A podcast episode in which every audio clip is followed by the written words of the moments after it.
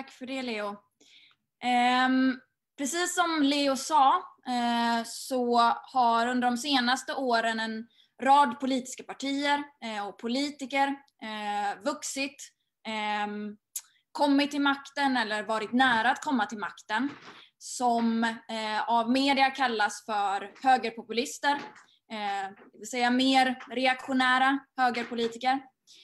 Um, och Eh, vi ser det i då, eh, USA med Trump, eh, med Bo eh, Bolsonaro i Brasilien eller Sverigedemokraterna eh, i Sverige. Och många, framförallt unga, eh, är såklart väldigt oroade över den här utvecklingen. Eh, arga över det här och vill veta hur man ska ta kampen emot de här partierna, politikerna. Hur man ska bekämpa det rasistiska våldet och den rasistiska politiken. Men det här skulle jag säga försvåras av den eh, förvirring som många inom vänstern sprider. När man kallar dessa politiska partier eh, och politiker för fascister. Ehm, och säger att den allt mer höger, eh, reaktionära högerpolitiken är ett tecken på att 30-talet håller på att upprepa sig. Att vi återigen kommer se fascistiska regimer vid makten, eller att vi redan ser fascistiska regimer eh, vid makten. Och jag skulle säga att fascism används idag eh, mer eller mindre som ett skällsord. Eh, en etikett som man sätter på Eh, alla partier eller eh, politiker som man anser är särskilt eh, hemska. Fascism reduceras till att i princip vara vad som helst som är auktoritärt, nationalistiskt och rasistiskt. Ehm, och om man reducerar fascismen till att vara just det här, då skulle man kunna klassa i princip vilken regim som helst under kapitalismen som fascistisk. Vilket gör att begreppet fascism blir helt eh, meningslöst. En lika meningslös definition av fascismen hittar man inom akademin, där Eh, sättet som man avgör vad som är fascism och vad som inte är fascism, vilka partier som kan klassas som fascistiska, eh, det gör man genom att studera dessa partiers ideologi, eh, deras idéer. Ehm, Henrik Arnstad, en akademiker som var mycket i ropet inom vänstern för ett antal år sedan, han menar att Sverigedemokraterna, de är inte ett nazistiskt parti, utan de är ett nyfascistiskt parti. Ehm, och hans argument då är att eftersom dagens så kallade eh, nyfascisters idéer då skiljer sig från de idéer som Hitler, Mussolini och Franco hade, så måste de just då klassas som nyfascister. Eh, där det främsta ny, eh, kännetecknet för nyfascism är ultranationalism. Och då hänvisar han till Sverigedemokraternas idéer om att bekämpa allting som är svenskfientligt. Men i själva verket så skiljer sig alla eh, fascisters idéer eh, åt. För vissa av dagens nazister så är antisemitismen eh, fortfarande en viktig fråga. Medan andra anser att muslimer är det största problemet och stöttar Israel. Och kollar man på de tidiga nazistpartierna så finns det stora ideologiska skillnader även där. Eh, medan antisemitismen var ett viktigt vapen i Nazityskland för Hitler för att kunna skylla alla samhällets problem på judar, så var det inte det för Mussolini eh, och för Franco. Egentligen inte heller någon annan eh, form av rasism. Franco, hans kärntrupper utgjordes av legosoldater från Marocko, muslimer, som han motiverade till att föra ett heligt krig mot kommunismen. Av de punkter som eh, ehm, Hitler la fram innan eh, han kom till makten så genomfördes bara en enda punkt, attackerna mot judarna. Den så kallade socialismen i nationalsocialismen. Det var ingen socialism överhuvudtaget. Utan det var bara en demagogisk manöver från nazisternas sida för att försöka få en bas inom arbetarklassen. Något som de faktiskt inte lyckades med. Det var bara en ytterst liten del av arbetarklassen i Tyskland som eh, man vann över till nazisterna. Den överväldigande majoriteten var motståndare till nazismen och lojala med socialismen och kommunismens idéer. Det här kan man se bland annat i de fackliga valen i Tyskland 1931. Där eh, trots att nazisterna eh, hade gjort en massiv eh, mobilisering, en massiv kampanj, eh, så lyckades de bara få 5% av rösterna då 1931. Och 1933, alltså efter att de hade tagit makten, eh, så lyckades de bara få 3% i de fackliga valen. Eh, varje fascistiskt parti måste naturligtvis anpassa sina idéer efter sitt eget lands traditioner och också eh, efter sin egen tid. I hopp då om att kunna vinna stöd. Men det är inte genom att studera fascismens idéer eh, eller deras eh, program som man förstår vad fascismen är för någonting. Eh, inte heller att rada upp så breda kriterier att i princip vad som helst kan klassas som fascism. Det är fascismens roll, dess funktion, som man måste analysera. Genom att studera de historiska exempel som vi har på fascistiska regimer och fascistiska rörelser. Som gör att vi kan förstå vad fascism är för någonting och hur man ska bekämpa det. Och det i sin tur kan ge oss svaret på hur man ska bekämpa reaktionära högerpartier och politiker som Trump, Bolsonaro och Sverigedemokraterna. Det som utmärker fascismen, det är att det är en våldsrörelse. Som just med våld attackerar arbetarrörelsen och arbetarklassen. Innan den kommer till makten så utgörs dess kärntrupper av just dess våldsorganisationer som bryter upp arbetarrörelsens möten, som attackerar dess demonstrationer, som utför mord eller mordförsök eller andra våldsbrott mot enskilda fackliga aktivister, vänsteraktivister, men också enskilda arbetare, ofta de mest förtryckta. Dess mål, det är att fullständigt krossa arbetarrörelsen genom att mörda eller fängsla de politiskt mest medvetna lagren inom arbetarklassen genom att upplösa fackföreningarna och arbetarrörelsens partier, genom att utlösa en våg av terror. Den ryska revolutionären och marxisten Trotskij, han förklarade fascismens väg till makten så här.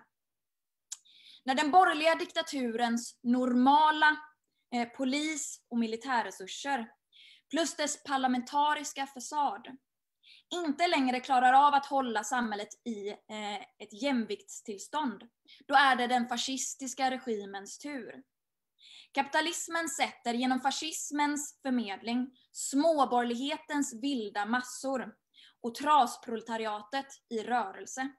Alla de oräkneliga mänskliga varelser som just finanskapitalet lett till förtvivlan och ursinne. Han skriver, när en stat blir fascistisk så innebär det först och främst att arbetarnas organisationer förintas. Att proletariatet, alltså arbetarklassen, försätts i ett formlöst tillstånd och att det utvecklas en administration som tränger djupt in i massorna och som har till uppgift att förhindra en oberoende utveckling av proletariatet. Just i detta ligger fascismens kärnpunkt. Så fascismen är det verktyg som kapitalisterna vänder sig till. När det kapitalistiska systemet har hamnat i en sån djup kris att de inte har råd med några som helst eftergifter till arbetarklassen. När de inte kan acceptera det minsta motståndet från arbetarklassen eh, till, det, eh, till kapitalismens exploatering. Då baserar de sig på det som vi marxister kallar för småborgerligheten, det som i dagligt tal kallas för medelklassen.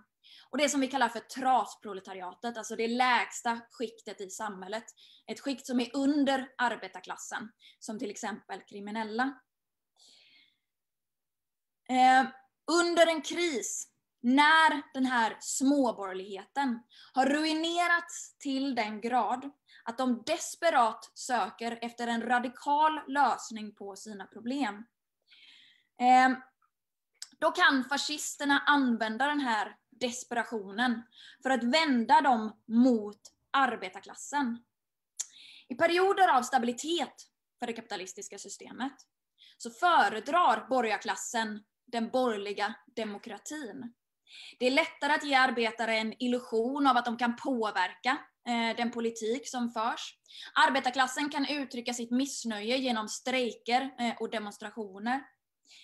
Och en diktatur är också mer kostsam för borgarklassen. För att man måste upprätthålla en sån enorm stat, en byråkratisk och repressiv apparat eh, som kan övervaka eh, och undertrycka all opposition mot regimen. Men under tider, under tider av kris, när kapitalismen inte förmår att utveckla ekonomin, så kan likväl en diktatur vara nödvändig för borgarklassen. Under varje kris så försöker borgarklassen att få arbetarklassen att betala för den genom lägre löner, försämrade arbetsvillkor, genom arbetslöshet och så vidare.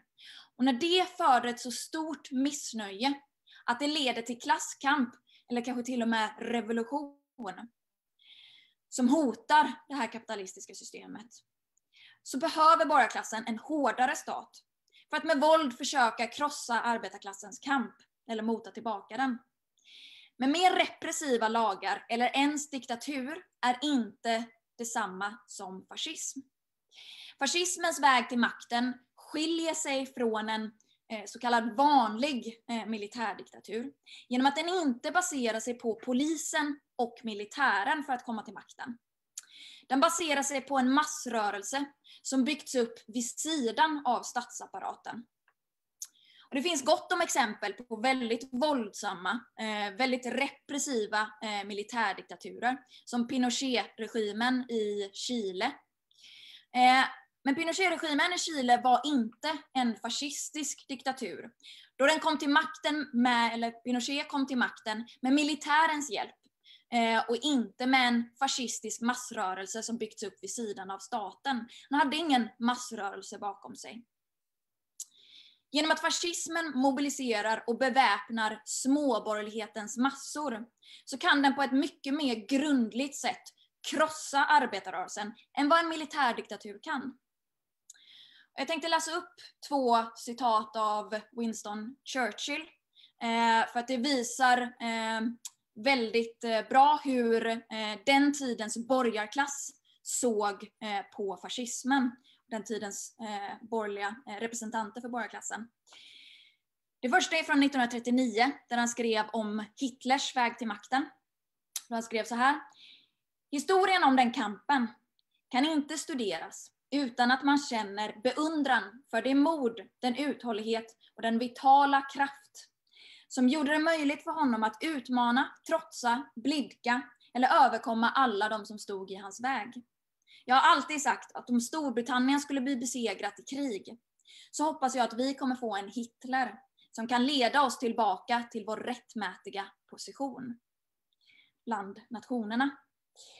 Eh, det andra är från den 20 januari 1927, eh, där Churchill höll ett tal i Rom, eh, där han pratar om Mussolini.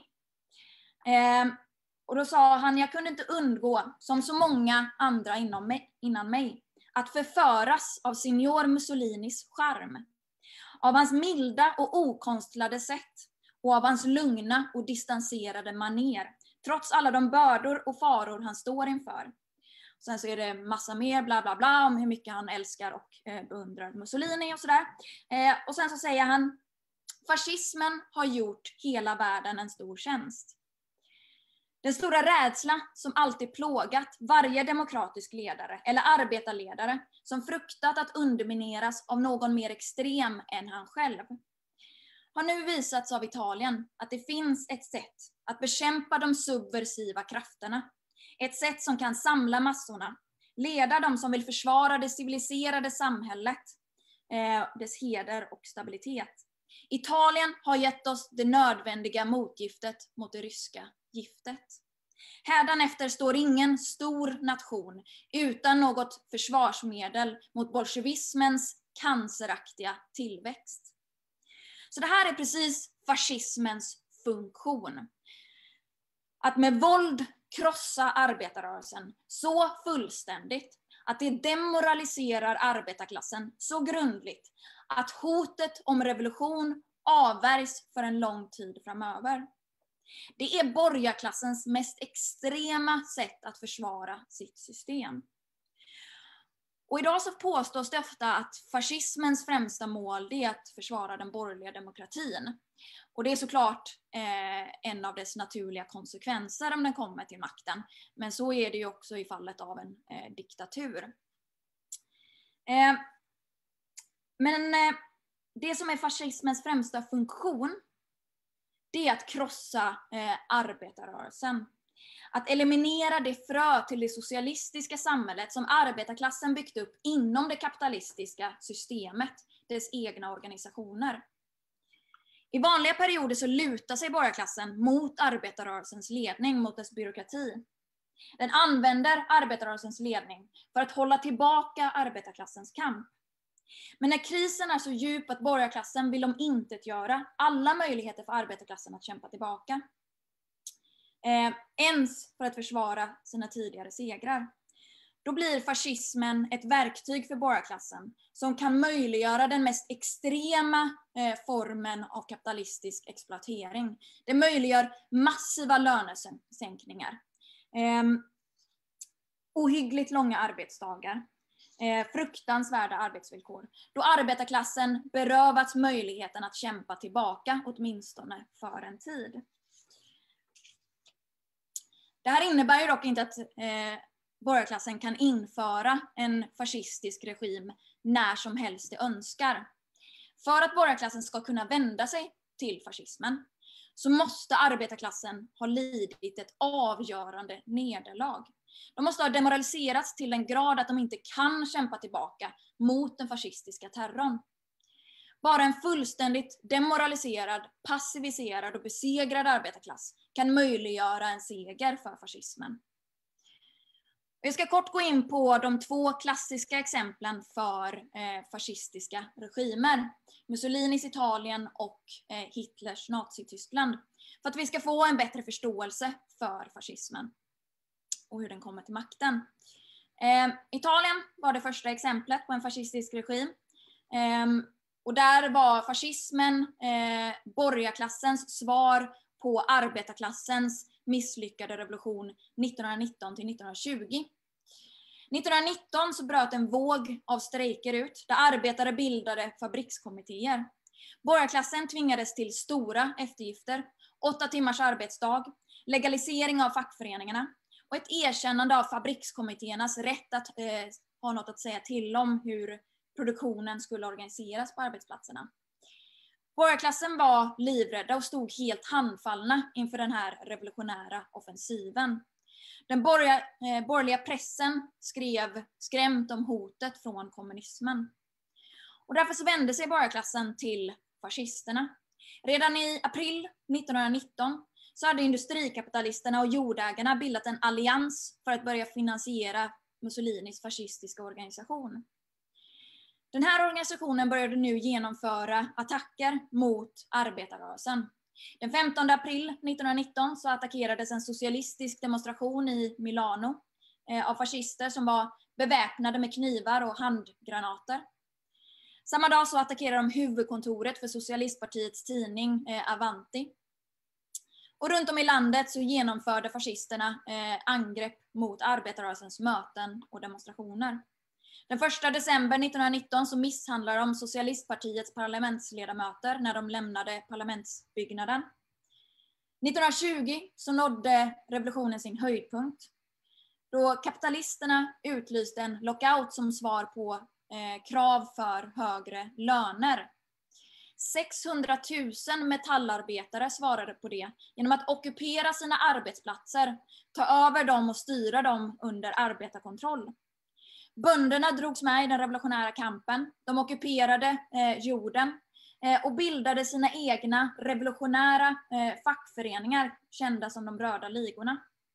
Den liberala eh, regeringen var tvungen att eh, eh, erkänna böndernas rätt att stanna kvar på den jord som de tagit från jordägarna. Arbetarklassen hade kunnat ta makten vid det här tillfället. Men socialistpartiet, de var reformister och menade att landet inte var redo för socialism. Och därför så gled det här tillfället eh, arbetarklassen ur händerna. Eh, och arbetarklassen demoraliserades. Borgarklassen som inte var säkra på att hotet om revolution hade eh, fullständigt avvärjts, de såg nu sin chans att kunna eh, krossa eh, arbetarklassen ordentligt. Mussolinis fascister som kapitalisterna nu började ösa pengar över. Han utlöste en våg av terror över hela landet. Med vapen och bilar som de fått av jordägare eh, åkte de runt i byarna och mördade eh, revolutionära bönder.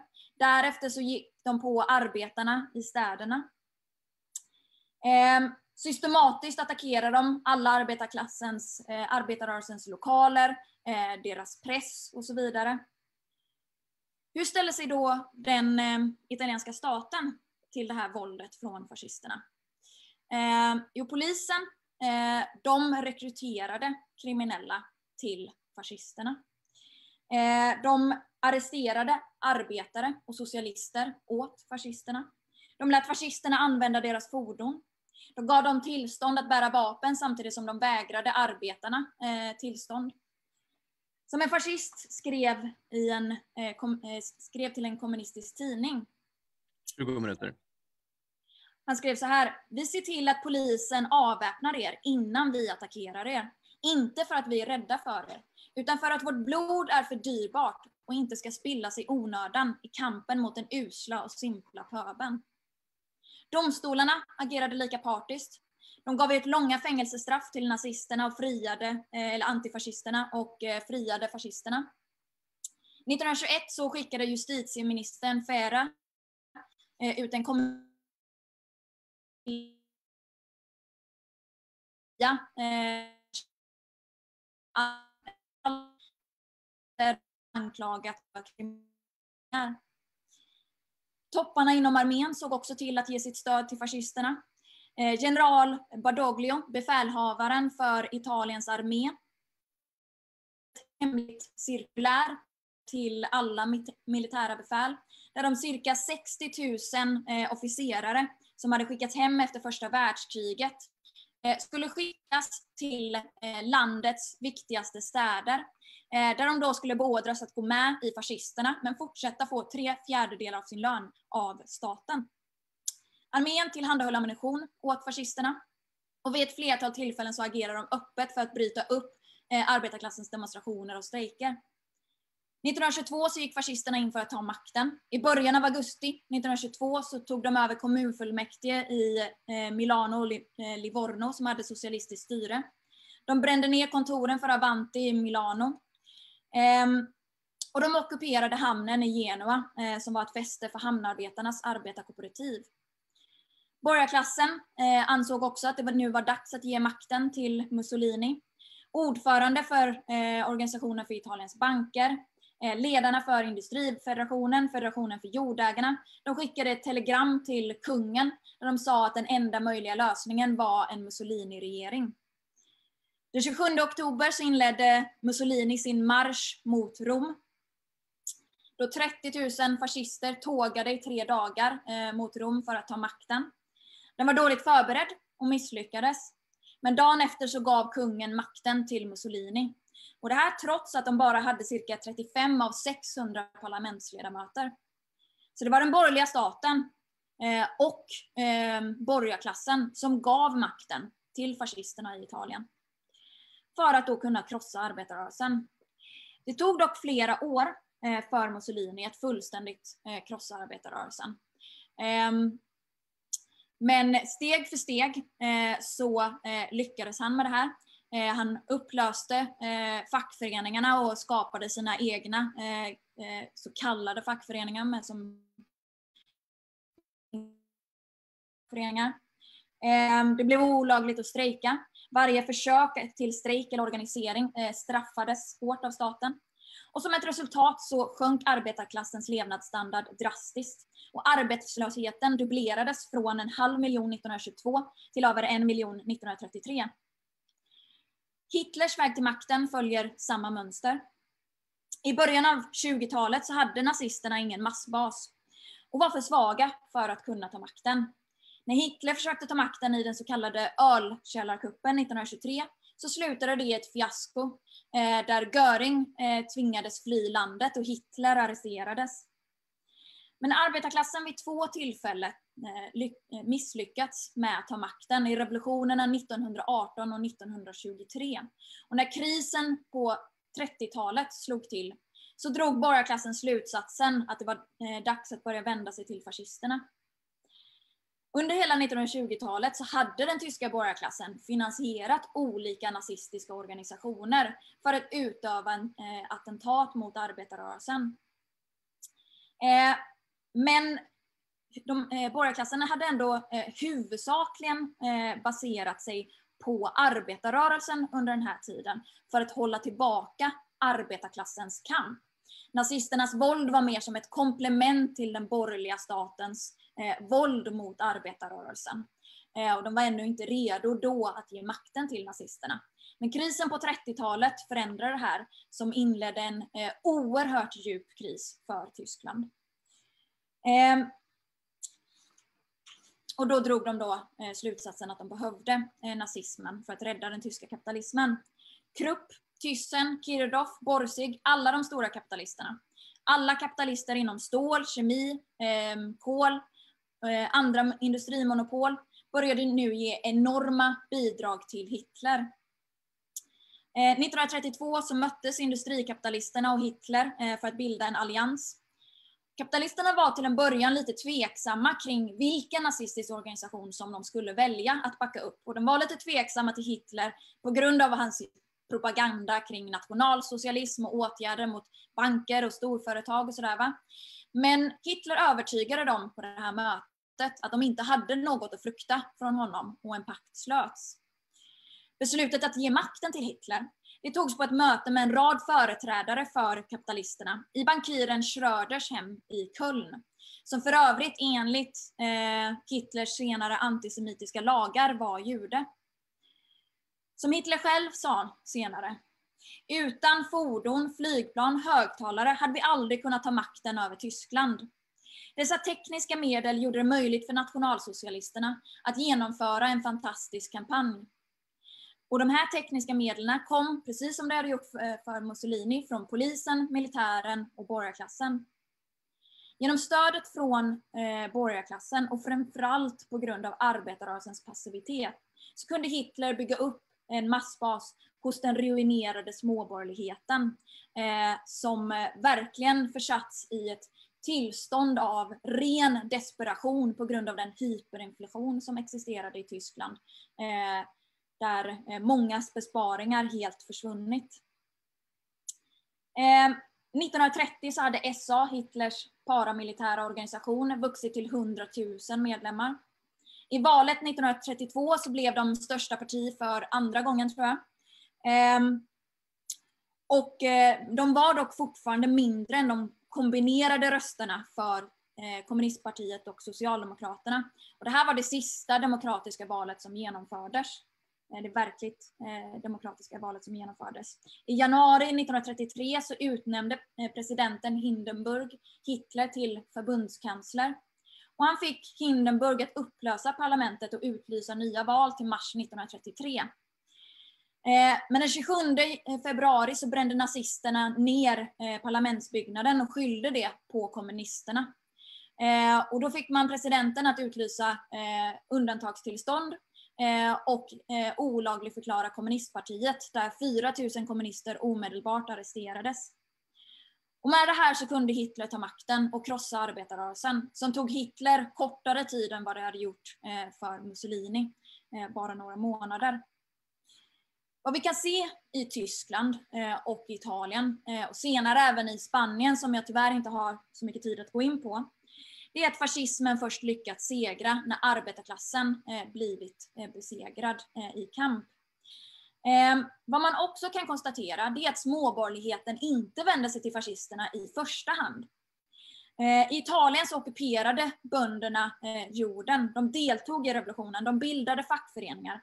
I Tyskland såg bönderna och småföretagarna till Socialdemokraterna och kommunistpartiet under hela 20-talet. Det tog mer än tio år innan de vände sig till eh, nazisterna på masskala. Eh, I Spanien eh, såg vi senare samma sak. Där deltog bönderna i inbördeskriget, ockuperade jorden och bildade antifascistiska miliser som slogs mot Francos uppror. Det var den ekonomiska nöden och att arbetarklassen misslyckades med att visa en väg ut ur kapitalismens misär som gjorde att småborgerligheten i desperation vände sig till fascismen. Eh, genom att fascisterna skyllde kapitalismens problem på arbetarklassen, eh, där de sa att ja, det var alla strejker, det var alla demonstrationer eh, som var orsaken till eh, den politiska, eh, och sociala och ekonomiska instabiliteten.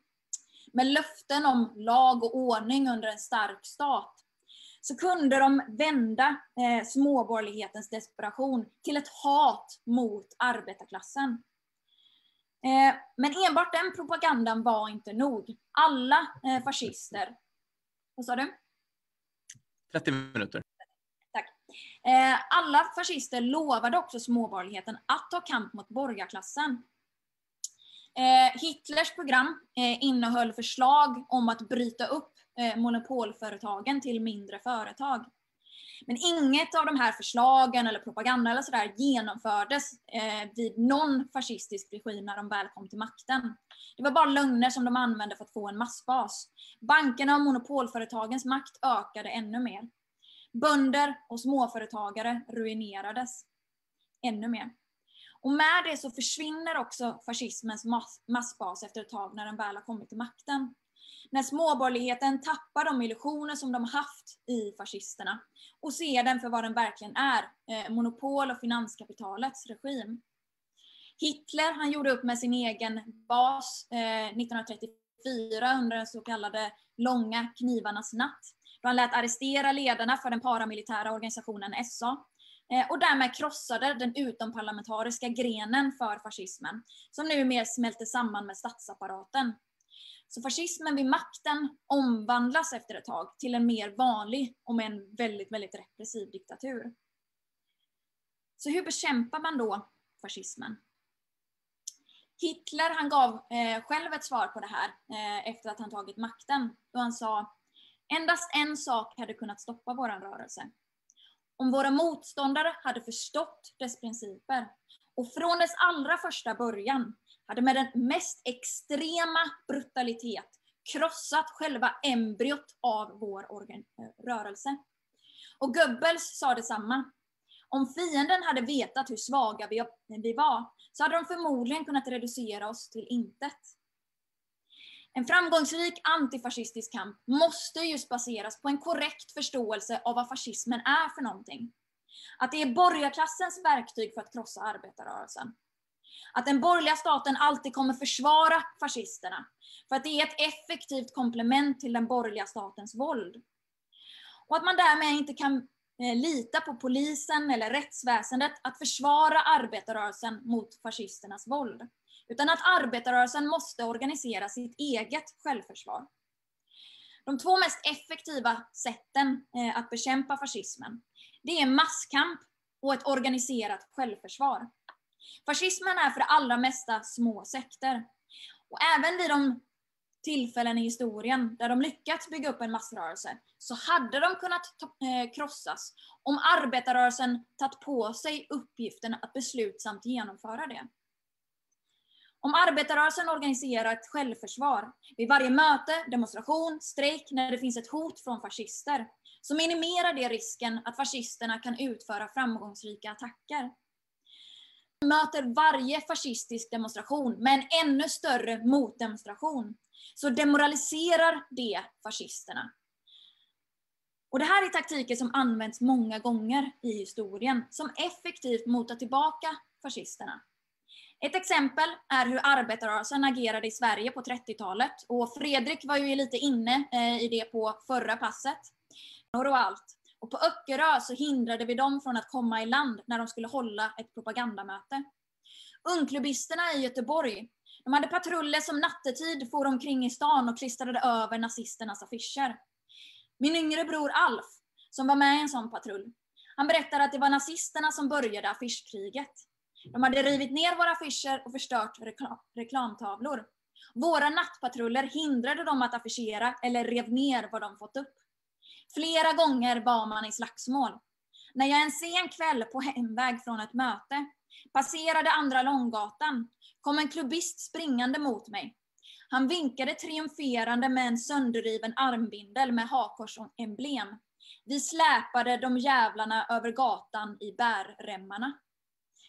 Ehm, det är svårt att tänka sig dagens SSU eh, bedriva en sådan kamp mot eh, nazister. Ehm, men vad man måste påpeka här också är att det här skiljer sig från eh, anarkistiska grupper som eh, AFA som ger sig på nazister. Eh, för det är inte effektivt när det är en väldigt liten grupp, skild från arbetarrörelsen, som angriper nazisterna. Eh, för sådana grupper, smågrupper är inte stora nog eh, att kunna mota tillbaka nazisterna. Det gör det tvärtom ofta väldigt enkelt bara för polisen att eh, angripa sådana vänsteraktivister och arrestera dem. Endast när den bredare arbetarrörelsen organiserar ett självförsvar och stora massdemonstrationer kan man mota tillbaka nazisterna.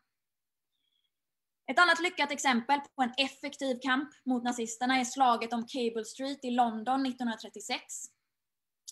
Eh, den brittiska fascisten Mosley, han mobiliserade eh, 2500 eh, fascister för att demonstrera genom östra London. Och de försvarades av 10 000 poliser som hade satts in för att se till att fascisterna skulle kunna genomföra sin demonstration. Men arbetarrörelsen, de agerade gemensamt för att sätta till att stoppa den här demonstrationen. Labourpartiet, kommunistpartiet, Independent Labour Party, trotskisterna, det vill säga våran organisation på den tiden, kommunistpartiets ungdomsförbund, de kallade till en massiv motdemonstration och eh, en halv miljon arbetare svarade.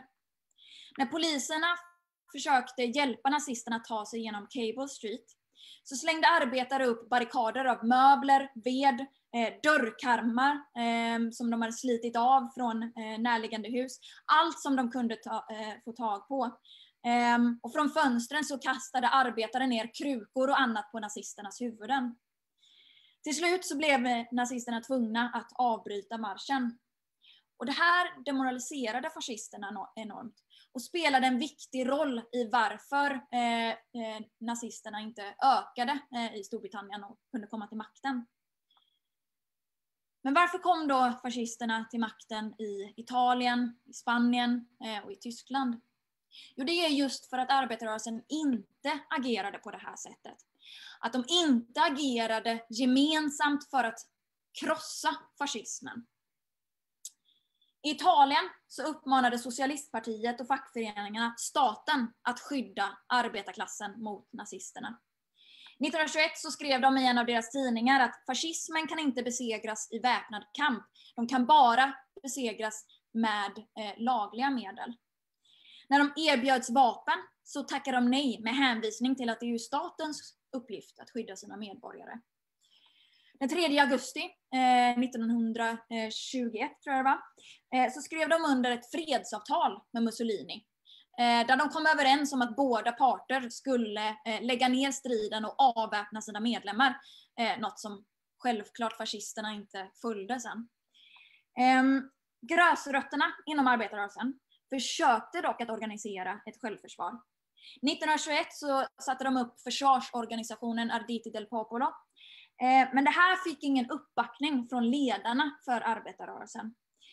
Ehm, och eh, det nybildade kommunistpartiet, de ansåg att den här organisationen var eh, inte revolutionär nog.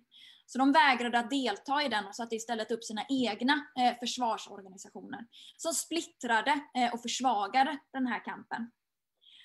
På grund av bristen Eh, av ett samorganiserat självförsvar eh, mot borgarklassen. Eh, så blev, eh, och nazisterna, så blev det här försvaret allt mer ineffektivt. I takt med att arbetarklassen demoraliserades så fick eh, fascisterna övertaget eh, och Arditi del Popolo föll samman. Men Socialistpartiet de fortsatte att vädja till staten eh, för att sätta stopp för Mussolini. 1922 i juli så vädjade Turati, Eh, socialistpartiets ledare, eh, till kungen att han skulle sätta stopp för fascisterna. Det vill säga samma kung som några månader senare gav makten till Mussolini. Även efter att Mussolini kommit till makten så vägrade ledarna för socialistpartiet att lära sig av sina misstag. I december 1923 så vädjade de till Mussolini att bryta med sin egen bas. Eh, de fortsatte vädja till kungen om att bryta med Mussolini. Och när en våg av protester sköljde över landet 1924 efter att en ledare för socialistpartiet mördats, eh, Mattiotti, av eh, fascister, så vägrade partiet att utnyttja det här för att bygga en rörelse för att störta regimen. Eh, utan de begränsade sig till tal eh, via parlamentet. Och Mussolini han hånade den här passiviteten från arbetarrörelsen i ett tal 1924. Han sa, vad gör våra motståndare?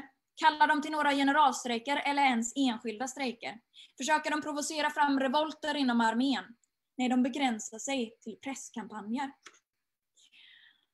Och arbetarrörelsen, de lärde sig ingenting från eh, fascismens seger i Italien, utan upprepade samma misstag i Tyskland.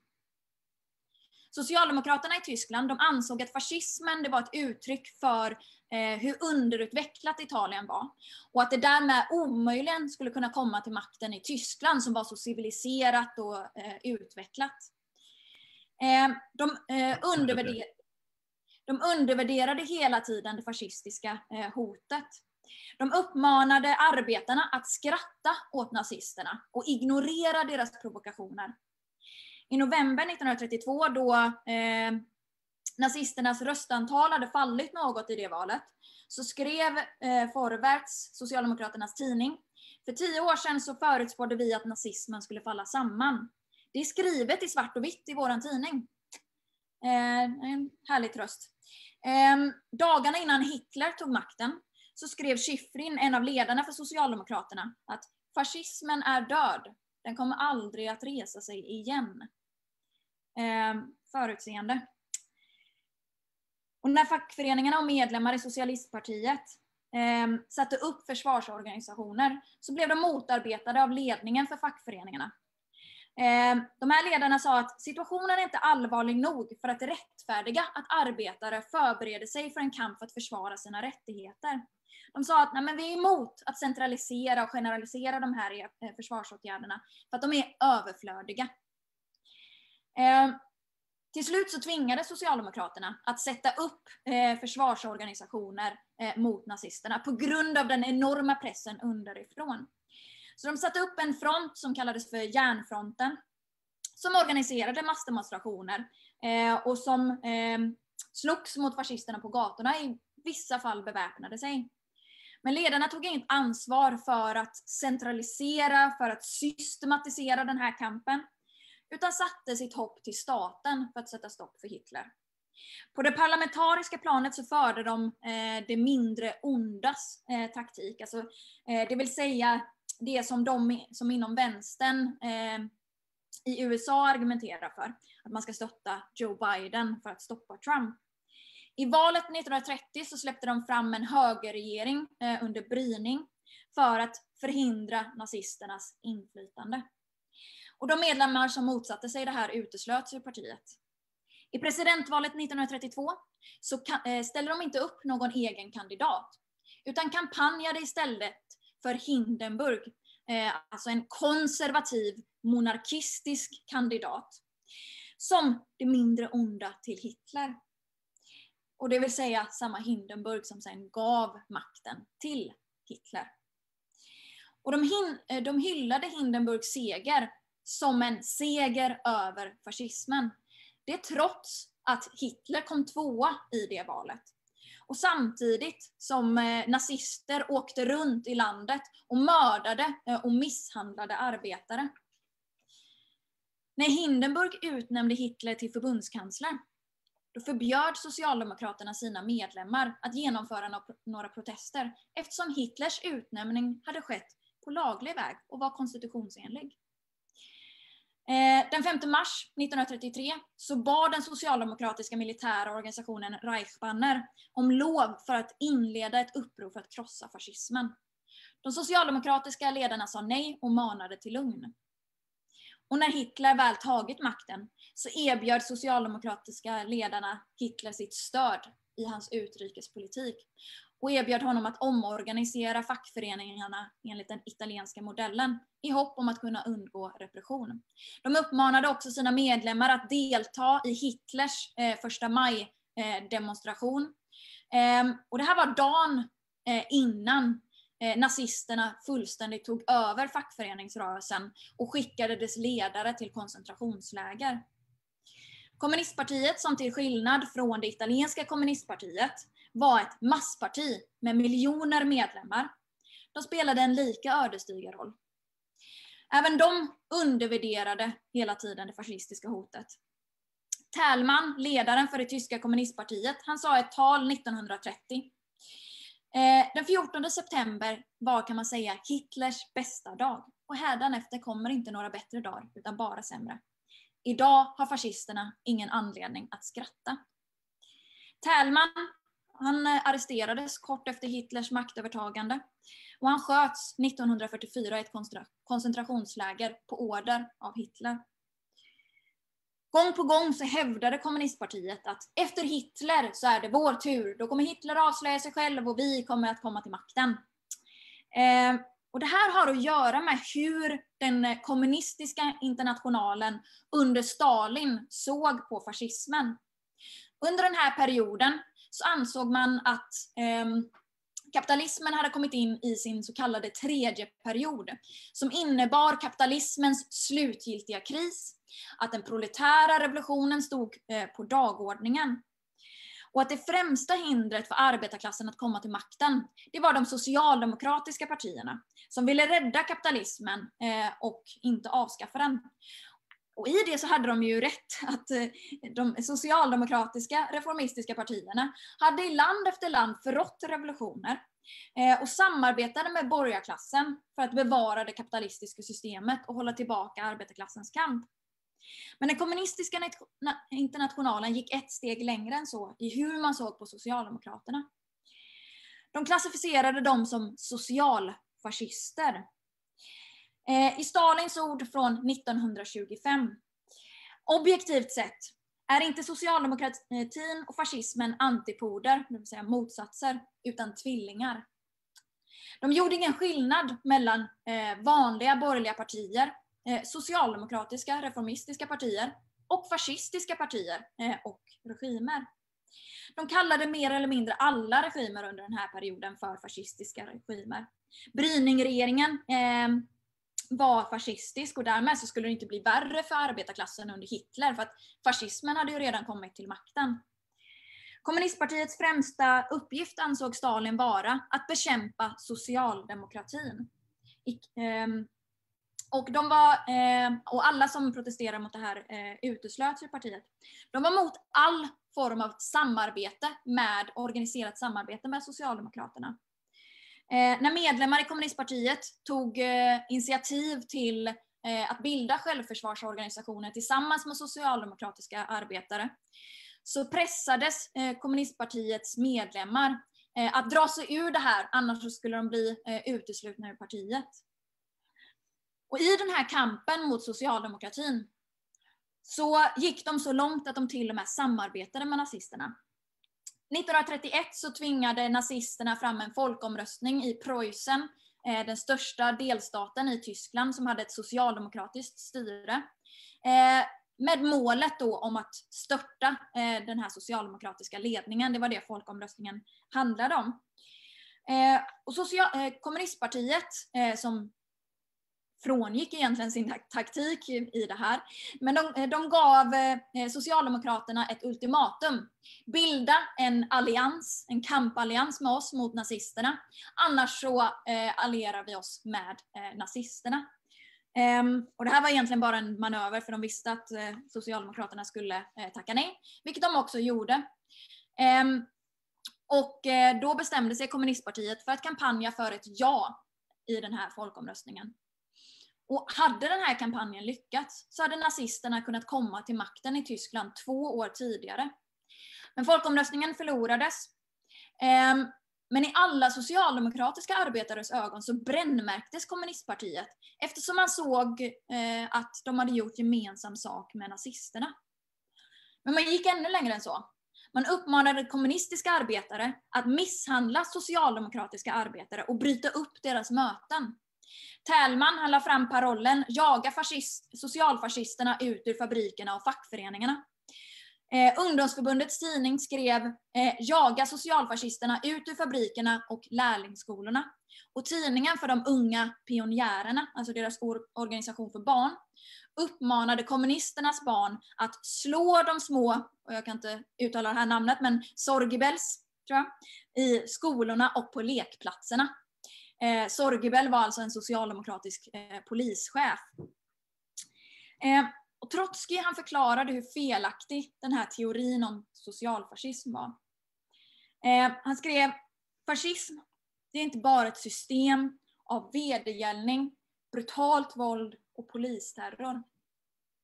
Fascism är ett särskilt styresätt som grundar sig på utrotandet av alla element av proletär demokrati inom det borgerliga samhället. Fascismens, fascismens uppgift ligger inte bara i att tillintetgöra den kommunistiska förtruppen, utan i att hålla hela klassen i ett tillstånd av påtvingad eh, splittring. För att uppnå detta syfte så räcker det inte att eh, fysiskt förinta den mest revolutionära delen av arbetarna. Det är även nödvändigt att krossa all oberoende och frivillig organisering. Att förstöra alla proletariatets försvarsverk och utrota allt som uppnåtts av socialdemokratin och fackföreningarna under tre fjärdedels eh, sekel. Även om socialdemokratin banade vägen för fascismens seger genom att hindra arbetarklassen från att effektivt kämpa genom att samarbeta med borgarklassen, genom att stötta borgerliga kandidater som det mindre onda och sådär va. Så är det inte samma sak att bana vägen för fascism som att vara fascister. Socialdemokratin, även om de inte själva förstod det, så genom att bana vägen för fascismen så banar de också vägen för sitt eget förintande. Eh, och Trotsky då, eh, han uppmanade kommunistpartiet att anta en enhetsfrontstaktik. Det vill säga en enad kamp mellan arbetarrörelsens alla organisationer i kampen mot fascismen. Och Trotsky visste mycket väl när han la fram det här att Socialdemokraternas ledning skulle göra allt för att undgå en sådan kamp. Eh, de ville inte kämpa. Men genom att kommunistpartiet förde fram det här erbjudandet om ett gemensam kamp mot fascisterna så skulle socialdemokratins ledning eh, avslöja sina medlemmar om de vägrade eh, gå med på att upprätta en sån enhetsfront. De skulle avslöjas om de gick med på det men sen saboterade det inifrån. Ehm, och eh, om man lyckas upprätta någon form av kamp så skulle kommunistpartiet kunna bevisa sig genom att kämpa sida vid sida med socialdemokratiska arbetare att bara kommunistpartiet var de mest beslutsamma i kampen mot fascismen. På så sätt skulle de enklare kunna vinna över socialdemokratiska arbetare till partiet, vilket var betydligt svårare när man eh, uppmanar till att misshandla socialdemokratiska arbetare. Ehm, och dessutom så skulle den kombinerade pressen från kommunistpartiet och socialdemokratiska arbetare kunna vara tillräckligt för att någon form eh, av front skulle kunna upprättas eller att det skulle tvinga socialdemokraterna till någon form av, eh, av kamp. Vilket kanske skulle kunnat vara tillräckligt för att åtminstone tillfälligt eh, ge nazisterna en, en tillfälligt besegra dem. Men eh, det tyska kommunistpartiet de brännmärkte en sån taktik som kontrarevolutionär eh, och vägrade. På det här sättet så lamslog både de och socialdemokratin den tyska arbetarklassen. Världens starkaste och mest välorganiserade arbetarklass besegrades av Hitler utan något motstånd. Hade de organiserat en enhetsfront så hade de utan tvekan kunnat krossa nazismen. Eh, kommunistpartiet och Socialdemokraternas eh, militära organisationer var större än vad SA var. Arbetarklassen var mycket bättre organiserad än vad Hitlers småborgare var. Men arbetarrörelsen vägrade och den tyska arbetarklassen fick betala för det med den kanske mest brutala eh, diktaturen som någonsin existerat. Efter nederlaget i Tyskland eh, och det faktum att ehm, vad heter det, det största kommunistpartiet utanför Sovjetunionen hade förintats ehm, så svängde den kommunistiska internationalen 180 grader, även om de aldrig erkände att de hade gjort något fel i Tyskland, utan de försvarade den taktiken.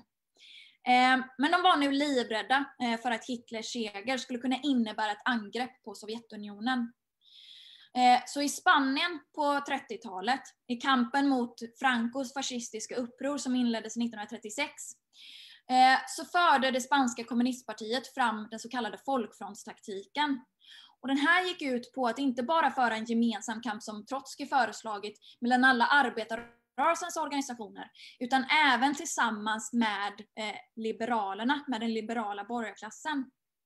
Och I den här taktiken så gick de längre än att bara föra en gemensam kamp. De eh, bildade ett gemensamt politiskt block. I Spanien i valet 1936 så ställde Folkfronten upp i val eh, på ett gemensamt program där de gjorde naturligtvis politiska eftergifter till Liberalerna eh, och vann valet då. Ehm, och Stalin han gick in för att helt och hållet göra den spanska kampen eh, mot Franco så ofarlig för den spanska borgarklassen som möjligt, för att de inte skulle bryta folkfronten. Problemet var bara det att den spanska borgarklassen hade redan gått över till Franco. De liberaler som deltog i folkfrontsregeringen, eh, de representerade inte eh, borgarklassen utan enbart sig själva. Det var liberala demokrater vars karriärer är beroende av den borgerliga demokratin eh, som jurister, journalister, politiker och så vidare. Men de använde folkfronten för att krossa arbetarklassens motstånd mot fascismen och försökte ständigt få till en kompromiss med Franco.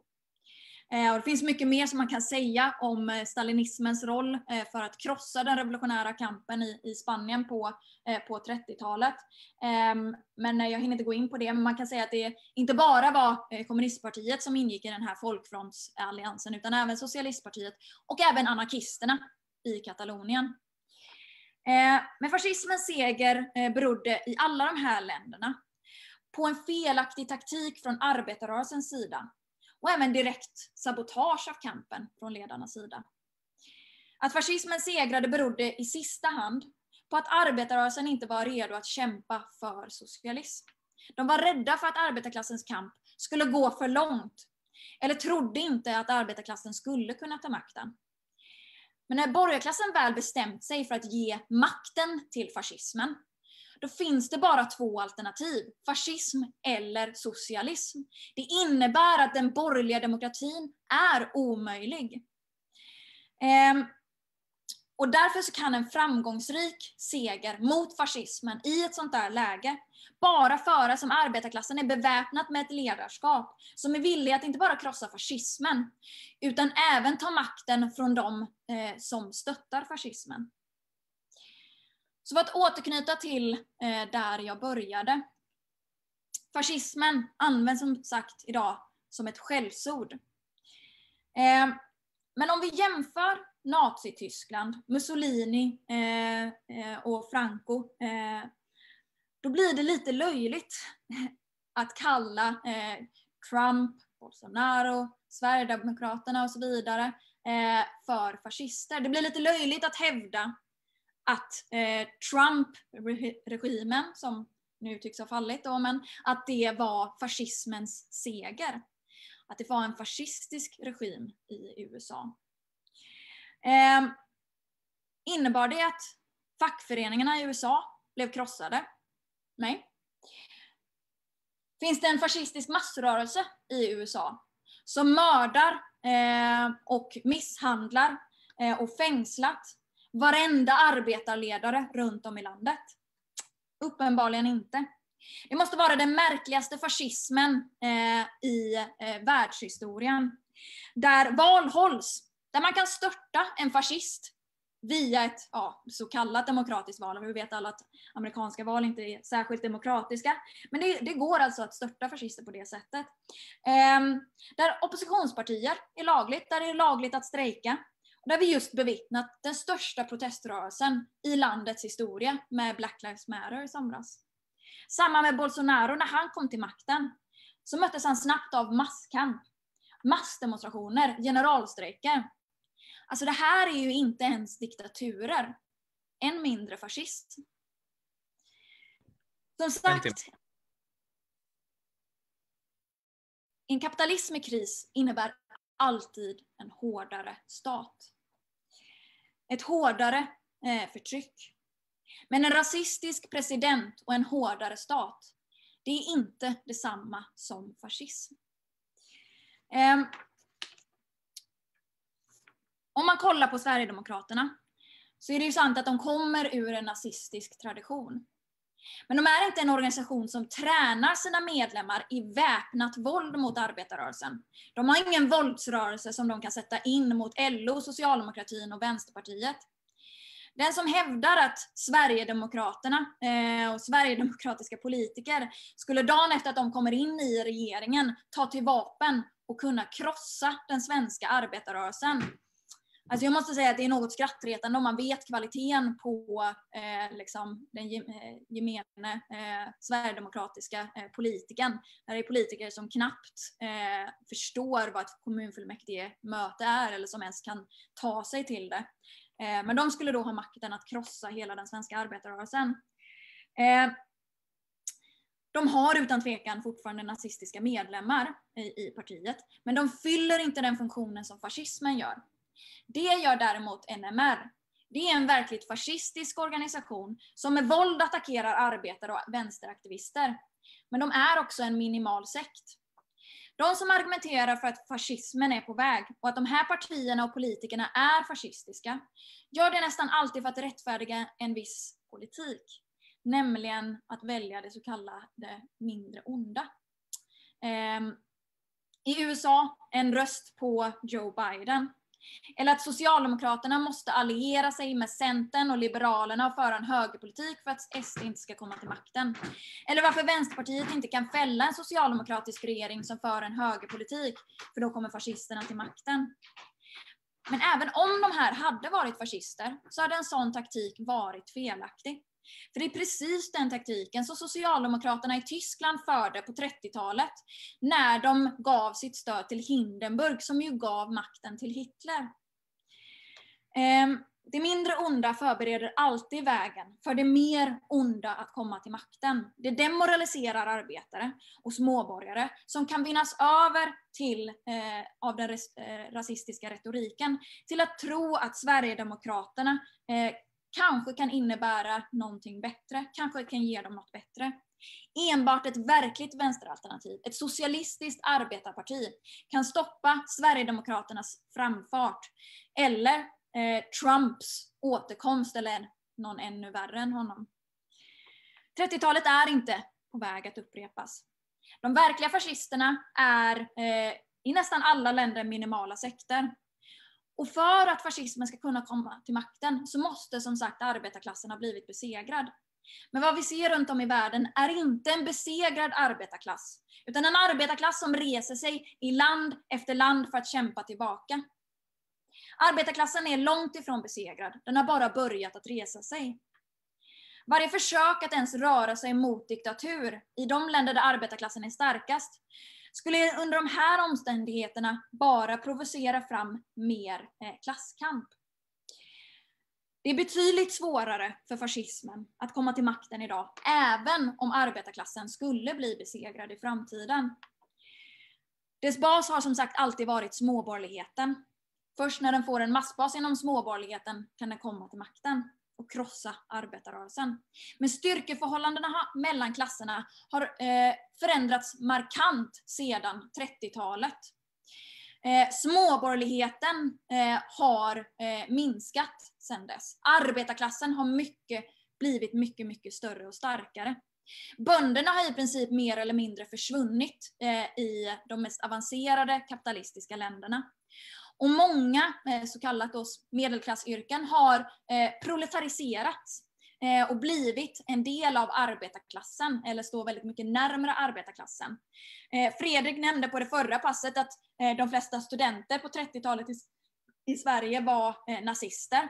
Eh, det är de uppenbarligen inte idag och de flesta studenter kommer från en arbetarbakgrund eller från en lägre medelklassbakgrund. Eh, andra typiska eh, yrken som eh, lockades till fascismen på den tiden. Lärare, sjuksköterskor, eh, läkare. Eh, och det här är yrken som idag just proletariserats. De har blivit en del av arbetarklassen, eller står mycket närmare arbetarklassen, och som faktiskt spelar eh, en viktig roll i klasskampen, är bland de mest radikala skikten i kampen. Så de som tjatar om fascismen och att den är på väg att ta makten, eh, de visar bara hur obotligt pessimistiska de är. De är blinda för den verkliga kampen som arbetarklassen för. De tror inte på arbetarklassens förmåga att kämpa. Och de längtar tillbaka till en mildare kapitalism som kunde ge reformer till arbetarklassen. Eh, Eftersom de inte tror på arbetarklassens förmåga att kämpa, så måste de hela tiden be staten att rädda dem, liberalerna att rädda dem, borgarklassen från att rädda dem. Det här innebär inte att vi inte ska ta kampen mot fascismen på allvar. Men då måste man också ha en korrekt förståelse eh, för vad fascism är. För en del, en stor del av vänstern förespråkar fortfarande nämligen de idéer eh, och den taktik som var ödesdiger i kampen mot fascismen på 30-talet. Man uppmanar polisen att agera mot fascisterna, eh, fastän polisen gång på gång skyddar dem. Man uppmanar rättsväsendet att förbjuda dem. Man uppmanar till en bred antifascistisk rörelse där man ska eh, alliera sig även med liberaler. Men det enda som det kan leda till är att liberaler använder det för att sabotera en sån kamp, i den mån de alls vill, vill delta, till att göra den eh, ofarlig. Det är bara arbetarklassen som har ett verkligt intresse av att bekämpa fascismen. Och därför måste det vara arbetarrörelsen som också organiserar den antifascistiska kampen genom att möta varje nazistisk manifestation med en större motdemonstration, genom att skicka ut arbetarrörelsens aktivister för att riva ner nazistisk propaganda och genom att organisera ett självförsvar. Så bekämpar man fascismen. Och i sista hand så är det enda sättet att en gång för alla avvärja hotet om fascism att avskaffa det system som ger upphov till det. Att ta makten från den borgarklass som har ett intresse av den. Att avskaffa kapitalismen och införa socialism.